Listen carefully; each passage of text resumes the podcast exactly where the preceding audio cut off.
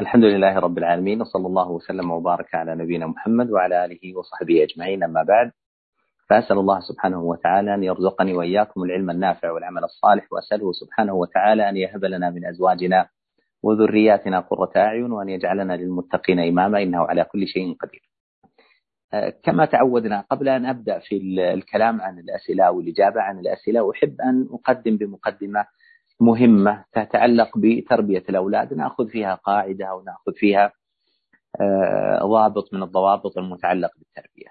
هذا الأمر ألا وهو آه، أن من أراد أن يصلح الله عز وجل له أولاده وأن يجعل أولاده بارين به لابد أن يعلم أن من أعظم أسباب ذلك بره هو بوالديه. يعني كل واحد منا كأب وأم يتمنى صلاح أولاده يتمنى بر أولاده به طاعة أولاده له أن يكونوا أن يكون أولاده قرة عين وأن يكون أولاده يسعدونه في الدين والدنيا والآخرة. كل واحد منا يتمنى ذلك.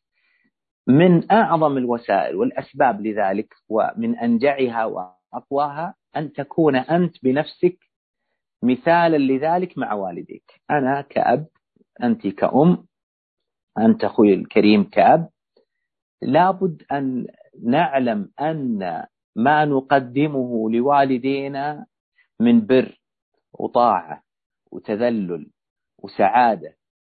كل ما نقدمه لأولادنا إنما هو رصيد نجعله عند أولادنا. في القديم كانوا يقولون التعامل مع الوالدين سلف ودين. يعني بمثل ما تتعامل معهم يتعامل معك أولادك. وكلام الله عز وجل أعلى وأجل سبحانه وتعالى. يقول الله تعالى إن أحسنتم أحسنتم لأنفسكم. وقال سبحانه هل جزاء الإحسان إلا الإحسان؟ فأي شيء تقدمه لوالديك اعلم أن أن دورة الحياة ستدور وما أسرع دورتها وسيعود لك ما تقدمه لوالديك. فإن كنت فيما مضى محسنا فاحمد الله عز وجل وازدد من ذلك وأبشر بالخير من الله عز وجل في أولادك. وإن كنت فيما مضى مقصرا فتب من اللحظة واستغفر وانطرح بين يدي والديك وقبل يديهم ورأسهم ورجليهم واعتذر منهم واستغفر الله عز وجل قبل ذلك وبعد ذلك واطلب منهم السماح واطلب منهم المغفرة والعفو. ولا يقول الإنسان راحت علي لا ما راح شيء. ولله الحمد والمنة إذا كان والداك من الأحياء فبادر. إن كنت محسنا فاحمد الله وازدد. إن كنت مسيئا فتب إلى الله عز وجل. وانتهز الفرصة أنهم لا يزالوا أحياء. طيب قد يقول قائل أبوي وأمي ماتوا وقد كنت مقصرا معهم ما الحيلة؟ أبشركم يا أبنائي وبناتي وإخواني وأخواتي بكرم, بكرم الله عز وجل. حتى ولو مات أبوك أو أمك وكنت مقصرا معهم فتب إلى الله عز وجل توبة نصوحة يغفر لك ما سبق لكن بشرط أن تصلح ما بقي. تعرفون قاتل المئة نفس؟ كما في الصحيحين من حديث أبي سعيد الخدري رضي الله عنه قال كان في من كان قبلكم رجل قتل تسعة وتسعين نفسا فأراد أن يتوب. فسأل عن أعلم أهل الأرض فدل على راهب يعني عابد بس ما عنده علم. فأتاه وقال إني قتلت تسعة وتسعين نفسا فهل لي من توبة؟ قال لا أجد لك توبة لأنه جاهل ما يعرف العلم الشرعي والعياذ بالله وأفتاه بغير علم فعجل الله عز وجل له العقوبة فقام هذا القاتل للتسعة وتسعين وقتل هذا الجاهل وأكمل به المئة. ثم أراد أن يتوب فسأل عن أعلم أهل الأرض فدل على عالم فأتاه وقال إني قتلت مئة نفس فهل لي من توبة؟ قال ومن يحول بينك وبين التوبة؟ ولكنك بأرض قوم سوء فلا ترجع إليهم وأتي قوم كذا وكذا فإنهم أناس صالحون فاعبد الله معهم. فمضى وفي الطريق جاءه الموت فنزلت عليه ملائكة الرحمة وملائكة العذاب يختصمون فيه. تقول ملائكة العذاب إنه قتل مئة نفس ولم يعمل خيرا قط. وتقول ملائكة الرحمة إنه جاء, جاء تائبا ومقبلا على الله تعالى. فأرسل الله عز وجل من من يحكم بينهم. فقال قيسوا بينه وبين القريتين فإن كان لقرية الصلاح أقرب قبضته ملائكة الرحمة وإن كان لقرية السوء أقرب قبضته ملائكة العذاب. ماذا فعل الله عز وجل به؟ فأمر الله قرية السوء أن تباعد وأمر الله قرية الصلاح أن تقاربي فقاسوا بينه وبين القريتين فإذا هو أقرب بشبر. فقبضته ملائكة الرحمة. نسأل الله الكريم من فضله. ما دخل هذا الحديث فيما نتكلم عنه؟ نحن نتكلم عن الإنسان إذا كان عليه حقوق للناس وقصر فيها ثم ماتوا. هل تجزئ توبة عن هذه الحقوق؟ نقول نعم بدلالة هذا الرجل قاتل المئة نفس. هذا الذي هؤلاء الذين قتلهم وينهم؟ وظلمهم؟ ماتوا. وغادروا الدنيا. ما يستطيع يتحلل منهم. لكن لما تاب توبة نصوحة تكفل الله عز وجل بماذا؟ بمظلمة أولئك وغفر الله عز وجل ورحمه طيب يقول قائل طيب أولئك المظلومين المقتولين الأب والأم اللي وقع عليهم عقوق إذا تاب الولد يرضيهم الله عز وجل سبحانه وتعالى وش أعظم من النبي صلى الله عليه وسلم قال يضحك الله إلى رجلين يقتل أحدهما الآخر فيدخلان الجنة. قالوا كيف يا رسول الله؟ قال أما الأول فإنه يقتل ماذا؟ يقتل مسلما ثم يتوب القاتل ويسلم ثم بعد ذلك يدخله الله عز وجل الجنة. يعني تصوروا هذا مقتول ظلما وهذا قاتل ظالم ومع ذلك يدخلون الجنة. بماذا؟ بالتوبة إلى الله عز وجل. وإذا كان الله عز وجل يغفر الشرك والكفر التي هي أعظم الذنوب والمعاصي فكيف لا يغفر ويعفو سبحانه وتعالى ويتجاوز عما دون ذلك من عقوق الوالدين؟ ف والعياذ بالله. لو قدر أن أحدا نسأل الله السلامة والعافية لي ولكم وقع في شيء من العقوق لوالديه رفع الصوت عليهم أي نوع من أنواع الخطأ في حق والديه فإن كانوا أحياء فالحمد لله. يحمد الله عز وجل ويبادر يبادر من الليلة بمجرد أن تنتهي المحاضرة. مثل ما يقال يطير لوالديه بل ما هو بلازم يسمع المحاضرة يبادر من الآن إلى والديه. والله إن ذهابه إلى والديه وانطراحه بين يدي والديه وتقبيله ليدي والديه ورجلي والديه خير من مئة محاضرة. من هذه المحاضرات. يروح ويقول لهم أنا اليوم صفحة جديدة. أنا عصاكم لما تعصوكم اللي أنتم تبون. أنا اليوم أفتح معكم صفحة جديدة. أبيكم تسامحوني. أبيكم تعفون عني. أبيكم تغفرون لي. وإن كانوا لا قدر الله أو أحدهم قد مات يستطيع أنه يتوب ويستغفر. ماذا يفعل؟ تصدق عنهما. يكثر الاستغفار لهما يصل رحمهما يحج عنهما يعتمر عنهما يدعو لهما يبذل كل ما يستطيع من أنواع البر بعد وفاة والديه ويتوب إلى الله ويقول يا رب تغفر لي وترحمني أنا أجرمت أنا أخطأت أنا أذنبت فاغفر لي وأصلح لي في ذريتي إني تبت إليك وإني من المسلمين. أسأل الله عز وجل أن يصلح أزواجنا وذرياتنا وأن يجعلنا أجمعين بارين بوالدينا أحياء وأمواتا مبرورين من أولادنا أحياء وأمواتا إنه على كل شيء قدير.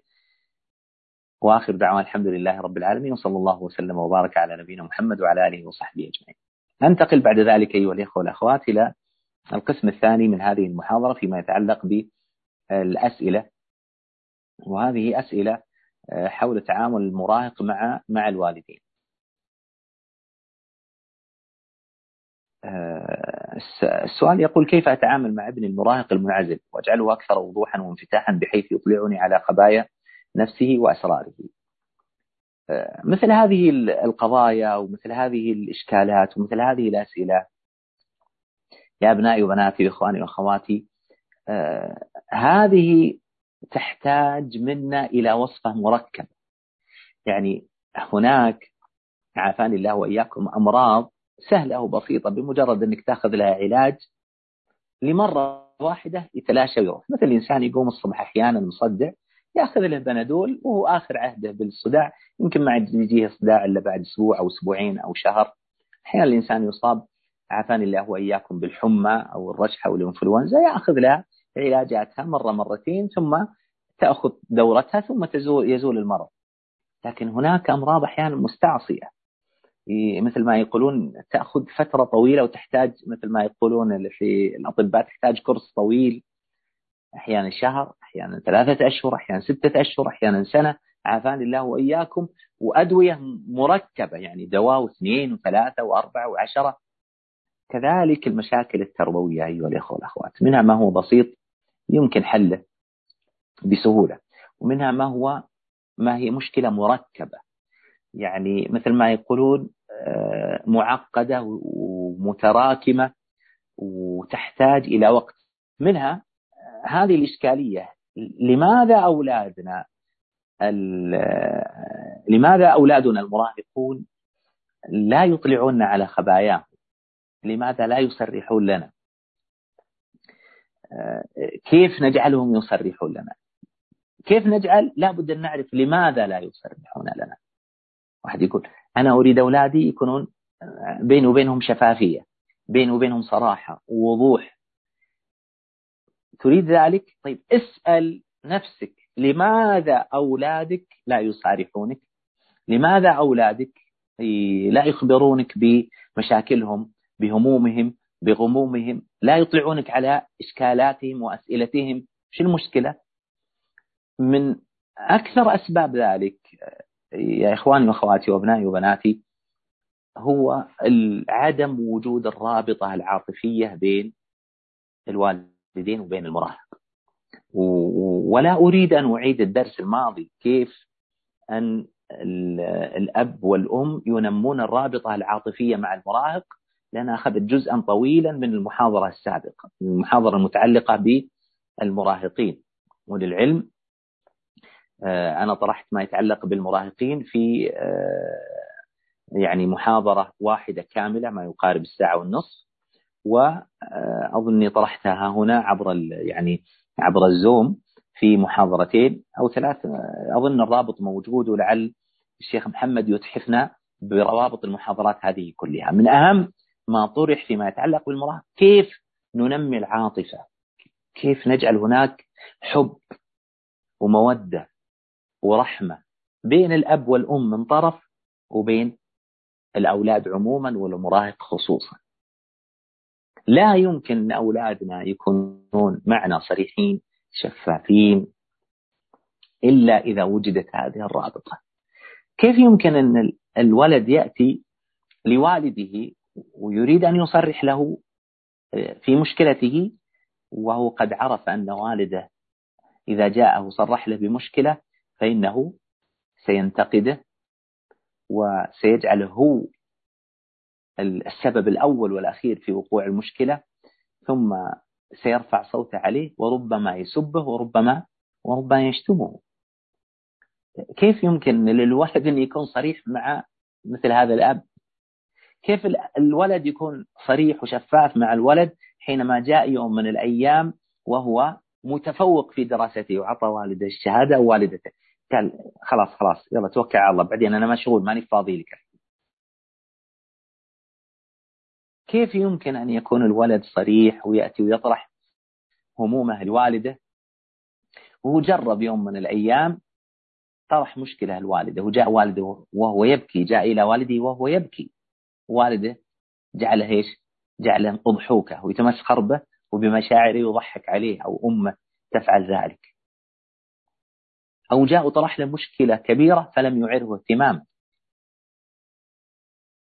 لا يمكن مثل هذا أن ننمي بيننا وبين أولادنا هذه الرابطة العاطفية مثل هذه الإيش مثل هذه الأحداث ومثل هذه السلوكيات مع أولادنا المقصود أن من أراد أن يقيم علاقة صداقة ومحبة وشفافية وصراحة مع أولاده لابد أن ينمي الرابطة العاطفية مع أولاده. طيب كيف ينمي الرابطة العاطفية مع أولاده؟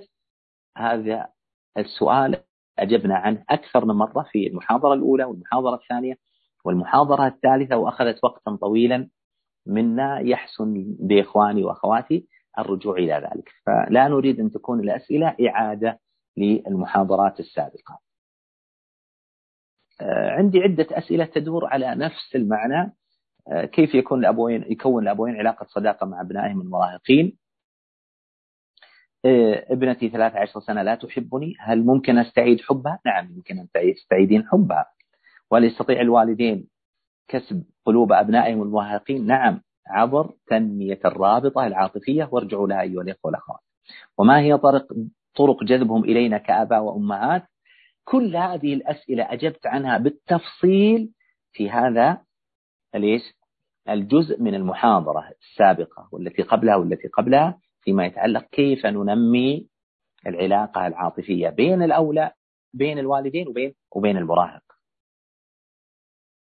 ها هنا سؤال تقول ولدي عمره 18 سنة والده يضربه لأتفه الأسباب ويشتمه ويوبخه أمام الأغراب. والآن هناك زعل من الإبن لأبيه ولا يعرف كيف أصلحه. والابن الإبن مستاء جدا من معاملة الأب. والأب لا يريد أن يغير أسلوبه ولا يريد مصالحة ابنه لأنه يرى أسلوبه صحيح فكيف أتصرف؟ تصرفين بعدة أمور. الأمر الأول إذا لم تستطع إصلاح البيئة حاول أن تصلح طريقة تعاملك مع البيئة. الله عز وجل لن يسأل أي واحد منا عن البيئة التي وضعه الله عز وجل فيها. الله عز وجل لن يسأله سبحانه وتعالى لن يسأل كل واحد منا لماذا ولد في البلد الفلاني أو لفلان وفلانة أم وأب. هما اختارهم الله عز وجل الذي ماذا؟ قدر له أن يكون من البلد الفلاني أن يكون من العرق الفلاني من القبيلة أو العائلة الفلانية من الأب فلان ومن الأم فلانة ويسكن في البيت الفلاني والحي الفلاني وله أخوال وأعمام فلان وفلان وفلانة وفلانة. هذه البيئة ما أحد منا اختارها. الله عز وجل قدرها. الله عز وجل لن يسألك عن هذه البيئة. يسألك كيف تتعامل معها. فأنت أيتها الأم لابد أن تبين لولدك أنه كيف يتعامل مع والده. يعني أنت ليس فقط نحاول مع ماذا؟ مع الزوج. إذا الزوج رفض لم يتعاون الأب ننتقل للطرف الآخر. نحاول مع الولد بتشجيعه والدعاء له وإفاضة الحب عليه بحضنه وتقبيله وهديته وتحفيزه بأن نغطي جانب القصور الذي موجود عند الأب. ونقول له هذا والدك. تصور والدك لو كان كافرا فأنت مأمور أن تبر بوالدك. ما يجوز لك أن تزعل على والدك حتى لو أخطأ عليك والدك. لماذا؟ لأن الوالد حقه بعد حق الله عز وجل وقضى ربك ألا تعبدوا إلا إياه وبالوالدين إحسانا. فجزء من الحل أنك تركزين على الولد. كيف يتعامل مع والده كيف يصلح علاقته مع والده هذا أولا. الأمر الثاني دائما يا أخواني وأخواتي أبنائي وبناتي حينما آه، نريد أن نحل المشاكل كثير ما يريدون حل المشاكل حين وقوع المشكلة. حين وقوع المشكلة أو حينما تقع هذه المشكلة أيها الإخوة والأخوات يكون الوالد غضبان متنرفز مضغوط ما يستحمل أن الأم تجي وتنبه إلى خطأ. من الطرق الصحيحة حينما نجد إشكالية بين الأب والأم وبين الأب وولده نترك الأب حتى يهدأ تكون نفسيته طيبة الأم بعد ما يمر الموقف تجيب هدية لزوجها هدية تحبه أو تفعل له أي فعل يحبه وتبالغ في ذلك ثم تأتي وتقبل رأس يا فلان وتقول يا فلان أنا طالبتك تكفى أنا طالبتك عشان خاطري. ولدنا فلان أنا أدري أنه هو مخطي وأنه مذنب لكن اسمع مني اسمع مني يا فلان. الوسائل المتشابهة لا تؤدي إلى نتائج مختلفة. أنت ضربته أنت سبيته أنت شتمته أنت فضحته أمام الناس. طيب هذه الأمور أصلحت ولدك؟ أنت فقط احكم يا أبو فلان أنت شف احكم. أولا هل هي أصلحت ولدك؟ أم لم تصلحه؟ أم زادته سوءا؟ طيب الوسائل المتشابهة لا تعطي نتائج مختلفة. الوسائل المتشابهة تؤدي إلى نفس النتائج. لا تفعل نفس الوسائل وتنتظر نتائج مختلفة هذا مستحيل. هذا أولا. ثانيا يا فلان اتق الله هذا ولدنا. السب ما يجوز الشتم ما يجوز فضيحة أمام الأغراب ما تجوز القسوة عليه ما تجوز. القسوة ماذا؟ الدائمة والمفرطة لا تجوز. كل هذا ما يجوز. كيف تخالف أمر الله وأمر الرسول؟ وتريد من ولدك أن ربي يصلحه. إن الله لا يغير ما بقوم حتى يغيروا ما بأنفسهم. فتعظه الزوج. وأيضا تجعل وسيط بينه وبين ولده. يمكن له أخ أكبر منه يعني هذا الأب له أخ أكبر منه يمكن يكون والده موجود اللي هو الجد أو الجدة أحد الأعمام أحد الخوال العقلاء.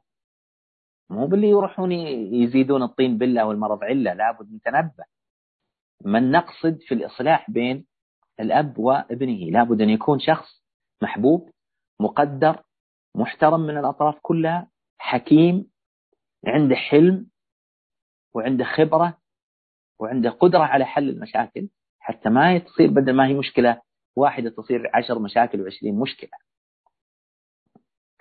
الأمر الذي أختم به فيما يتعلق هذه المسألة والتي قبلها والتي قبلها ودائما أكررها الدعاء. الدعاء يا إخواني وأخواتي الدعاء الدعاء الدعاء. والله يا إخواني وأخواتي والذي لا إله غيره إن للدعاء أثرا مثل أثر السحر. أو أشد. يعني الدعاء يغير الحال الأب والزوج والأخ والأخت والولد الذكر والأنثى والزوج. يعني شيء عجيب يا أخواني وأخواتي والذي لا إله غيره. لو أقول لكم القصص التي مرت علي أنا شخصيا ما أقول لكم قال فلان وقال فلان. أمور مرت علي شخصيا لأولاد ذكور وإناث وقعوا في ذنوب. ومعاصي وكبائر. أعظم ما ردهم بعد توفيق الله عز وجل الدعاء دعاء والديهم. أحيانا دعاء أخوانهم دعاء خواتهم بعض الأزواج كان على فساد عظيم ما رده إلا دعاء زوجته. والعكس من الزوجات من عندها مشاكل عندها أخطاء عندها سلوكيات. ما يزال زوجها يدعو يدعو يدعو يدعو يعلم الله عز وجل صدقه حتى يفتح الله عز وجل قلب ماذا؟ زوجته. لكن الدعاء يا إخواني وأخواتي مثل الماء للشجرة مثل الماء للنبتة مثل الماء للبذرة. يعني تصور ان عندك بذرة صبيت عليها موية ثم تركتها وأهملتها هل يمكن أنها تنبت؟ الجواب لا. الدعاء مثل البذرة مع الماء. الماء يحتاج كل يوم تصب لهذه البذرة وتنمو وتنمو وتنمو حتى تثمر. كذلك الدعاء وقال ربكم ادعوني أستجب لكم وإذا سألك عبادي عني فإني قريب أجيب دعوة الداعي. إذا دعان والذي لا إله غيره أعرف قريبه لي. يا أخواني وأخواتي زوجها كان ممن يضرب به المثال الأمثلة في الظلم والطغيان والفساد والشر. وهي امرأة صالحة حسبها والله حسيبها. ولا تزال تدعو لزوجها امرأة صالحة تصوم الاثنين والخميس وتقوم الليل. وتحج وتعتمر وتدعو لزوجها في كل وقت. تدرون صبر هذا استمر إلى متى؟ إلى أن وصل سن زوجها يمكن يقارب ال 45 أو 50 سنة. والذي لا إله إلا ثم فتح الله عز وجل عليه فتحا فصار من عباد الله عز وجل الصالحين. اليوم من بيته إلى المسجد ومن المسجد إلى البيت. والذي خلقني وخلقكم. ببركة ماذا؟ ببركة الدعاء. الدعاء. يعني مش أعظم من القصة اللي ذكرتها لكم أكثر من مرة. يعني الإمام البخاري محمد بن إسماعيل البخاري صاحب الصحيح أعظم وأصح كتاب عند أهل السنة بعد كتاب الله. كان أعمى. وأمة تقوم الليل يوميا تدعو الله. اللهم رد عليه بصره. اللهم رد عليه بصره. الله. وتبكي. يوم من الأيام قامت وبكت ودعت نامت. جاء إبراهيم عليه الصلاة والسلام قال إن الله قد رد لمحمد بصره بكثرة دعائك له. لا لا تيأسون يا أخواني وأخواتي في سجودكم في صلاتكم في آخر الصلاة بعد الصلاة المكتوبة آخر ساعة من الجمعة في قيام الليل في سفركم في حجكم في عمرتكم في صيامكم. اطرقوا باب الله عز وجل الغني الكريم. اطرقوه وأنتم موقنون بالإجابة. اطرقوه وأنتم تظهرون لله عز وجل الافتقار. قل يا رب يا رب أنا ما استطعت. يا رب أعني يا رب أنا فقير. ليس لي حول ولا قوة. أنا بذلت كل ما أستطيع. يا ربي أعني يا رب ساعدني. موسى قال رب إني لما أنزلت إلي من خير فقير. فجاءه ماذا؟ فجاءه المدد من الله عز وجل. رب إني مسني الضر. وأنت أرحم الراحمين فاستجبنا له. وزكريا إذ نادى ربه رب لا تذرني فردا وأنت خير الوارثين. فاستجبنا له. ومريم وغيرها وغيرها. فيا إخواني وأخواتي أعظم أعظم وسيلة لصلاح أزواج ذريتنا الدعاء بس بشرط المداومة والتكرار وحسن الظن بالله وعدم الانقطاع وعدم اليأس. وعدم القنوط مهما رأينا.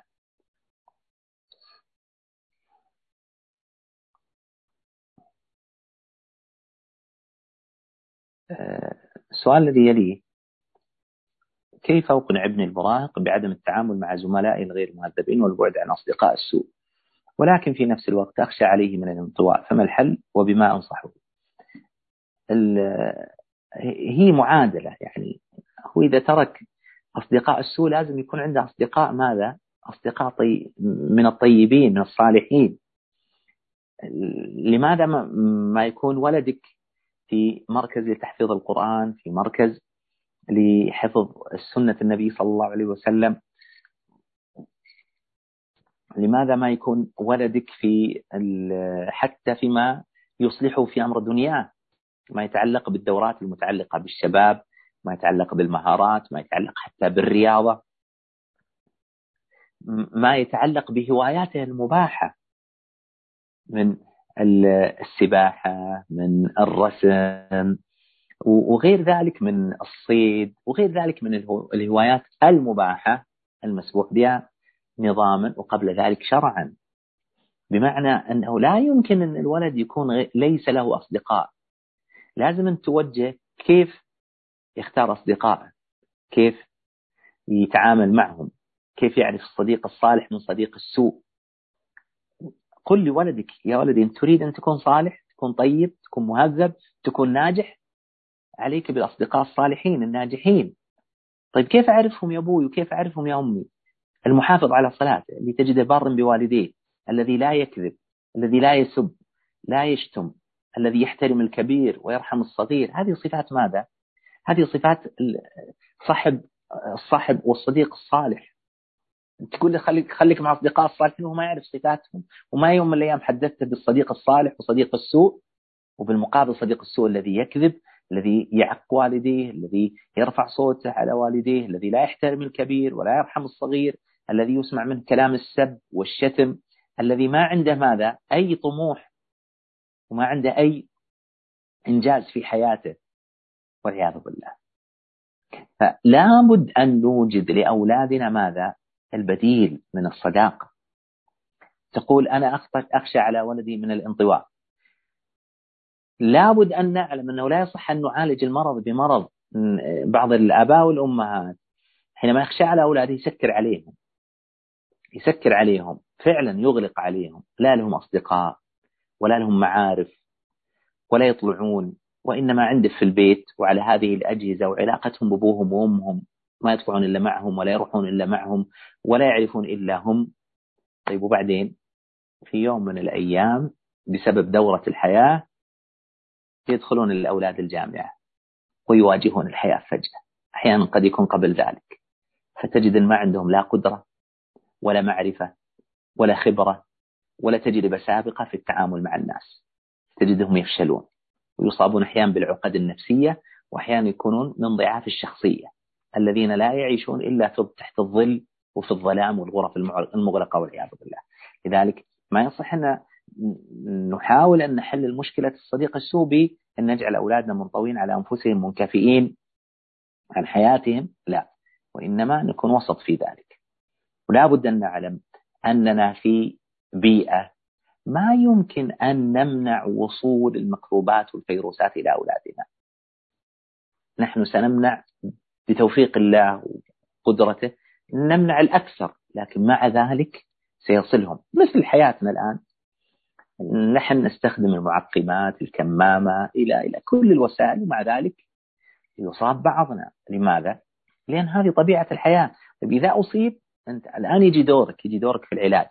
فتربيتك لأولادك هي جزء منها وقاية قبل وقوع البلاء والمرض وجزء منها علاج إذا صاحب وأخطأ في مصاحبته وقعت منه أخطاء وقعت منه بعض السلوكيات لابد أن تكون أنت ماذا؟ أن تكون الملجأ له بعد الله عز وجل في تصحيح هذه تصحيح هذه الأخطاء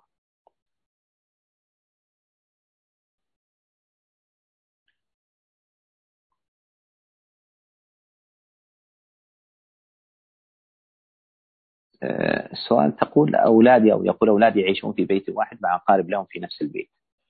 ويتعلمون منهم بعض الكلمات السيئة بل وبعض الحركات السيئة. فكيف نبين لهم ونحذرهم دون أن يشعروا أننا نكرههم في أقاربهم ولا سيما أنهم يحبون اللعب معهم؟ الجواب أن تبين له الخطأ دون أن تقدح في الشخصية. يعني هذا هذه الإشكالية يعاني منها كثير فيما يسمى بالأسر الممتدة. يعني يكون الأب والأم جالهم عيال كبروا العيال تزوجوا يعيشون معهم. تجد في البيت الجد والجدة وعندهم ماذا؟ وعندهم الأولاد وكل ولد عنده أسرته زوجته وولدين ثلاثة أربعة أقل أو أكثر. هذه الأسر الممتدة توجد عندها بعض هذه الإشكاليات. طيب ما الحل؟ الحل مثل ما ذكرت لكم قبل قليل لا يمكن في هذه الحالة أنك تستطيع أن تعزل أولادك عن هذا المجتمع اللي يعيشون فيه وهذه الأسرة الممتدة. طيب ما الحل؟ الحل أن نركز على الخطأ وبيان الخطأ بطريقتين وقاية وعلاج. وقاية أصلا نبين لهم أنتم أن هذا خطأ ونبين لهم أن وقوع الناس في الخطأ ليس مسوغا لوقوعنا فيه. الخطأ يظل خطأ ولو وقع فيه أكثر الناس. والخطأ يظل خطأ ولو مضى عليه الأعوام والأزمنة الكثيرة والطويلة. طول الزمان وكثرة وقوع الناس في الخطأ لا تجعله صوابا. هذه قاعدة لازم يفهمها عيالنا. لازم يعرفون أن هذا صواب وهذا خطأ بغض النظر عما يفعله الناس ويمارسه الناس. الأمر الثاني أن لا يصح أن إذا رأينا من يقع تجاهنا بالخطأ أن نمارس هذا الخطأ. يعني واحد سبني ليس صحيح أن يجي أسبه. لا. أنت لا تعامل الناس بأخلاقهم عامل الناس بما أمرك الله بأخلاق نبيك محمد صلى الله عليه وسلم بأخلاق الإسلام بأخلاق القرآن. لا تعامل الناس بأخلاقهم عامل الناس بأخلاق دينك بأخلاق كتابك بأخلاق نبيك محمد صلى الله عليه وسلم. فمثل هذه الأخطاء التي تقع في الأسر الممتدة يكون التركيز على الخطأ دون المخطئ. ممكن يكون العم هو الذي يمارس السب والشتم ممكن الجد ممكن الجدة ممكن أولاد العم أو أولاد العمة أو أولاد الخالة أو أولاد الخالة. طيب ماذا أفعل؟ الجد يخطئ الجد أحيانا قد يكون يسب يشتم يلعن. شد يقول؟ وش أفعل؟ طيب أفعل أقول فيما بيني وبينه نقول ترى هذا جدك ويجب أن نحترمه ونقدره لكنه أخطأ في هذا. لازم نعرف أنه أخطأ لكن هذا لا ينقص قدره لا ينقص احترامه لا ينقص محبتنا له لا ينقص برنا له بالعكس يجعلنا أول شيء نجتنب خطأه مع احترامنا وحبنا وتقديرنا له. لهذا بإذن الله تعالى نستطيع أن نقلل المسألة. يقول واحد إلى متى؟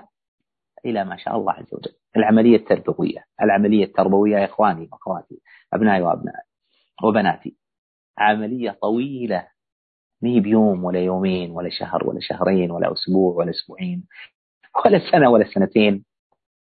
العملية التربوية قبل أن يوجد أولادك إلى أن تموت. قبل أن يوجد أولادك نعم. باختيارك لزوجتك لأمهم بتسميتك عند الجماع بما يعقب ذلك إلى أن تلقى الله عز وجل وتموت.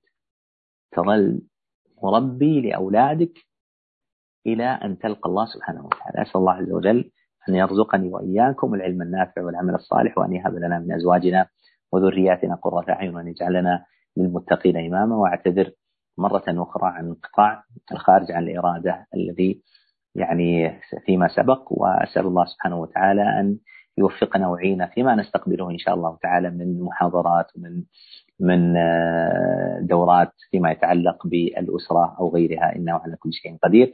وآخر دعوانا الحمد لله رب العالمين وصلى الله وسلم وبارك على نبينا محمد وعلى آله وصحبه أجمعين. نعم شيخ محمد.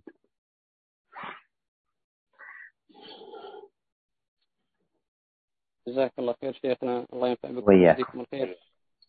آه، هنا شيخنا سؤال من إحدى الأخوات. آه، تسأل تقول كيف أحبب أطفالي في الصلاة؟ نعم. أه تحببين أطفالك في الصلاة بعدة أمور. الأمر الأول أنت تحافظين على الصلاة في أوقاتها. الأمر الثاني أن توجد المحفزات. يعني الصحابة رضي الله عنهم كانوا يوجدون المحفزات في الصيام يصومون أولادهم وكانوا إذا حسوا الجوع يعطونهم الألعاب من العهن عشان يلهونهم عن الجوع. فلا بأس أن تعطين أولادك محفزات على الصلاة وتقولين لهم لا سيما في وقت التعليم والتدريب آه، تجعلين له جدول في حضوره للصلاة صلاة الجماعة. مداومته على الصلاة إتقانه للصلاة إحسانه في الصلاة. تقصين عليه قصص النبي صلى الله عليه وسلم قصص السلف في محافظتهم على الصلاة وهذا له أثر عظيم جدا في المحافظة على الصلاة. إذا كان هذا يؤثر في الكبار فكيف به فكيف بالصغار؟ تدعين لهم. أن الله عز وجل رب اجعلني مقيم الصلاة ومن ذريتي ربنا وتقبل دعاء يعني لاحظوا الأنبياء والمرسلين يدعون الله عز وجل خصوصا في هذا الأمر ما يتعلق بالصلاة. رب اجعلني مقيم الصلاة ومن ذريتي ربنا وتقبل دعاء تتعاونين مع والدهم. أن يكون مثال حي وواضح في المحافظة على الصلاة. الأمر الذي أختم به اللي تحاولين تجعلين أولادك ما يحافظون فقط على الفرائض. تجعلين للفرائض سور وهو سور النوافل.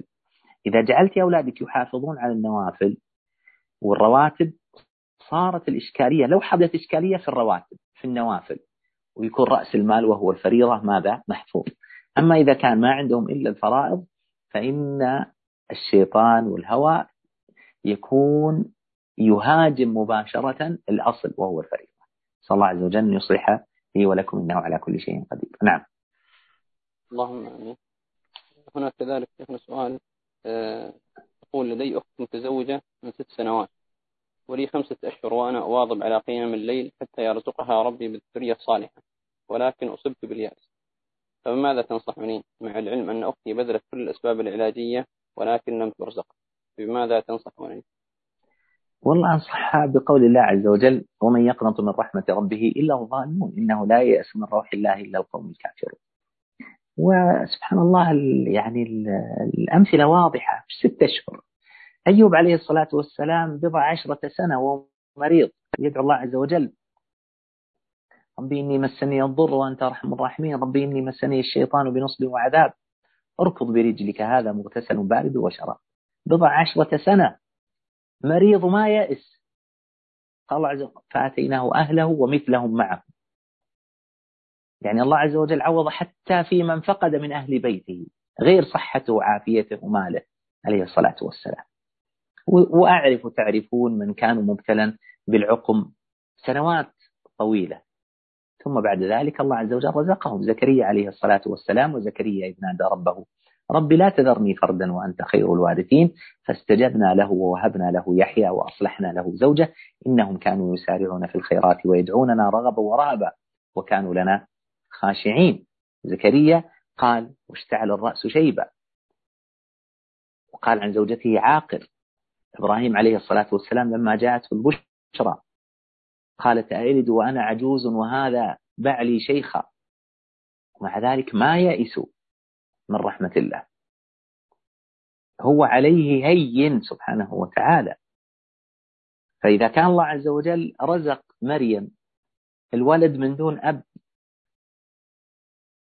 فكيف عاد؟ بماذا؟ بولد من أم وأب لكن عندهم مشكلة في العقم وأنا أعرف أنتم تعرفون بعض الناس يعني إحدى قراباتي ظلت ما يقارب من عشرين سنة وزوجها بدون بدون عيال. يوم أكملوا العشرين سنة رزقهم الله عز وجل الولد الأول والثاني والثالث بفضل الله وجوده وكرمه وإحسانه. فلا يقنط الإنسان. كيف يقنط الإنسان؟ وربه غني كريم قوي قدير سميع بصير عليم رحمن رحيم. هذا الرب العظيم الذي اجتمعت فيه كل هذه الصفات. كيف ييأس الإنسان من طلبه سبحانه وتعالى؟ نعم. بارك الله فيكم شيخنا. آه، هنا كذلك سؤال. آه، عندنا مدرسة يأتيها شباب حولنا يتعلمون العقيدة والأدب الإسلامي ومع ذلك بعضهم عندهم مخالفات. فلا يهتمون بالعبادات. فما هو الحل معهم؟ شيخنا أحسن الله إليك. الحل معهم السعي في تقوية إيمانهم.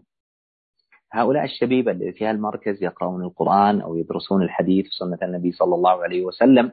قراءة القرآن الحديث شيء عظيم وهو وسيلة لكن أيضا يحتاجون إلى تقوية إيمانهم. تقوية إيمانهم عبر ماذا؟ فهم الكتاب والسنة لا يكفي الحفظ. الصحابة رضي الله عنهم كانوا يركزون على الفهم واليوم الناس يركزون على الحفظ. لذلك انظروا الصحابة ماذا أخرجوا. أخرجوا جيل العلماء العباد الزهاد القادة رضي الله عنهم الذين غيروا الدنيا. اليوم تجد الشخص حافظ القرآن بعشر قراءات ما ظهر هذا على لا سلوكه ولا على أخلاقه ولا هديه والعياذ بالله. لأن السلف كانوا يركزون على ماذا؟ على الفهم والعمل واليوم أكثر الناس يركزون على الحفظ والعياذ بالله. فلا بد من تدبر القرآن معرفة معاني القرآن تدبر السنة معرفة السنة. أيضا سيرة النبي صلى الله عليه وسلم سيرة الصحابة سيرة التابعين سيرة الصالحين. لا بد أن يعيش هؤلاء الشباب معها. من الأسباب المعينة على ذلك وجود قدوة أن يكون المدرس لهم قدوة. يرون سمته يرون أخلاقه يرون سلوكه يرون عبادته يرون خشوعه. هذا من أعظم الأسباب في صلاح الشبيبة بإذن الله تعالى. فلا يكفي أن نقول والله عندهم يحفظون القرآن ويحفظون السنة لابد مع ذلك من التربية الإيمانية. صلى الله أن يصلح لي ولكم إنه على كل شيء قدير. مسألة أنهم عندهم أخطاء لابد أن لا نكون مثاليين يا أخواني وأخواتي. مسألة أن الشاب يصير معصوم ما يخطي ولا يذنب ولا يقصر هذا مو بصحيح.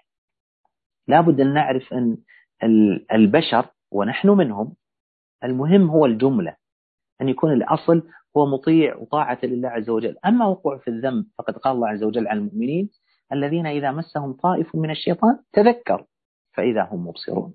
يعني يمسهم الشيطان ويذنبون ويخطئون ويقعون في المعاصي والزلل لكن المهم هو الهدي العام الطريقة العامة. الأصل فيهم. فإذا كان الشاب الأصل فيه الاستقامة والهداية لكن عنده أحيانا ما بين فترة وفترة يقع في ذنب يقع في تقصير تفوت الصلاة تخرج منه كلمة لابد أن لا نكون مثاليين. ونعتقد أن النجاح في التربية بمعنى أن الولد لا يقع في الخطأ ولا الذنب. لا هذا ما يمكن الوصول إليه. إذا كان هذا لا نستطيع نحن في أنفسنا. نحن المربون لا نستطيع ذلك. نحن نرد ونخطئ ونقصر ونعود ونعود ونرجع. نسأل الله يتوب علينا ويغفر لنا ويرحمنا يا رب العالمين. كعامة البشر كيف نريد ونطلب من أولادنا أن يكونوا ملائكة معصومين؟ هذا يستحيل ذلك. نعم. شيخنا بارك الله فيكم. آه هنا كذلك سؤال. آه إذا كان الأب مشغول عن ابنه كيف أستطيع الموازنة؟ وأحل محل الأب. إذا كان الأب مشغول كيف أستطيع الموازنة في ذلك وأحل محل الأب نعم. آه، مهم مشغول أحيانا يكون الأب غائب. يعني أننا نشوف في الخليج كثير من إخواننا الذين آه، وفدوا ضيوفا علينا للعمل في بلادنا. يكون تارك أسرته تارك زوجته وأولاده تركهم خلفهم في البلد. ويأتي يجي سنة وسنتين يعمل. ثم كل سنتين يروح إجازة شهر شهرين ويرجع. ويظل على هذه الحال 20 30 40 سنة. وعياله يكبرون هناك. طيب كيف الأم استطاعت أن توازن؟ أولا الاستعانة بالله سبحانه وتعالى. ثانيا لابد أن يكون هناك تواصل دائم بين الأب والأم وأولادهم. اليوم الحمد لله صار عندنا هذا الاتصال المرئي. إذا كان الأب بعيدا إذا كان الأب مشغولا إذا كان الأب مسافرا يكون هناك تواصل مرئي. يعني الأب في بلد والأولاد والزوجة في بلد يصير إيش؟ يكون عندهم ساعة يجتمعون فيها إما في اليوم أو في الأسبوع. إذا جاء الغداء يشغلون جهاز المرئي وعن بعد وهو يتغدى وهو يتغدون وكان جالس وياهم. إذا كان الأب مشغولا لابد أن يقنع الأب إذا كان موجود ولكنه مشغول. لابد أن تكون له جلسات مركزة مع أولاده. يعني هو مشغول طيب متى يجي البيت؟ يجي مثلا على الغداء والعشاء. إذا جاء للغداء لابد أن يركز في تربية أولاده. على الغداء على العشاء على الإفطار آخر الأسبوع. وما لا يدرك جله لا يترك كله. إذا ما استطعت أن الأب يكون دائم مع أولاده مو معنى ذلك خلاص لا. أتفق أنا مع الزوج أن يكون في اليوم لهم ولو نصف ساعة أو ساعة. في الأسبوع لهم يوم. يركز في ذلك.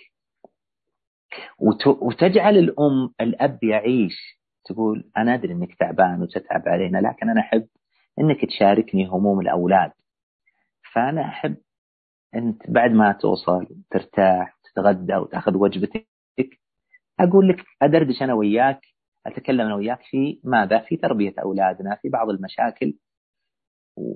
وهذا لا يكون بطريقة كل يوم أحيانا تكون متعبة للأب منفرة للأب مملة للأب لا سيما الآباء الذين يعني يصارعون من أجل أولادهم وكسب لقمتهم.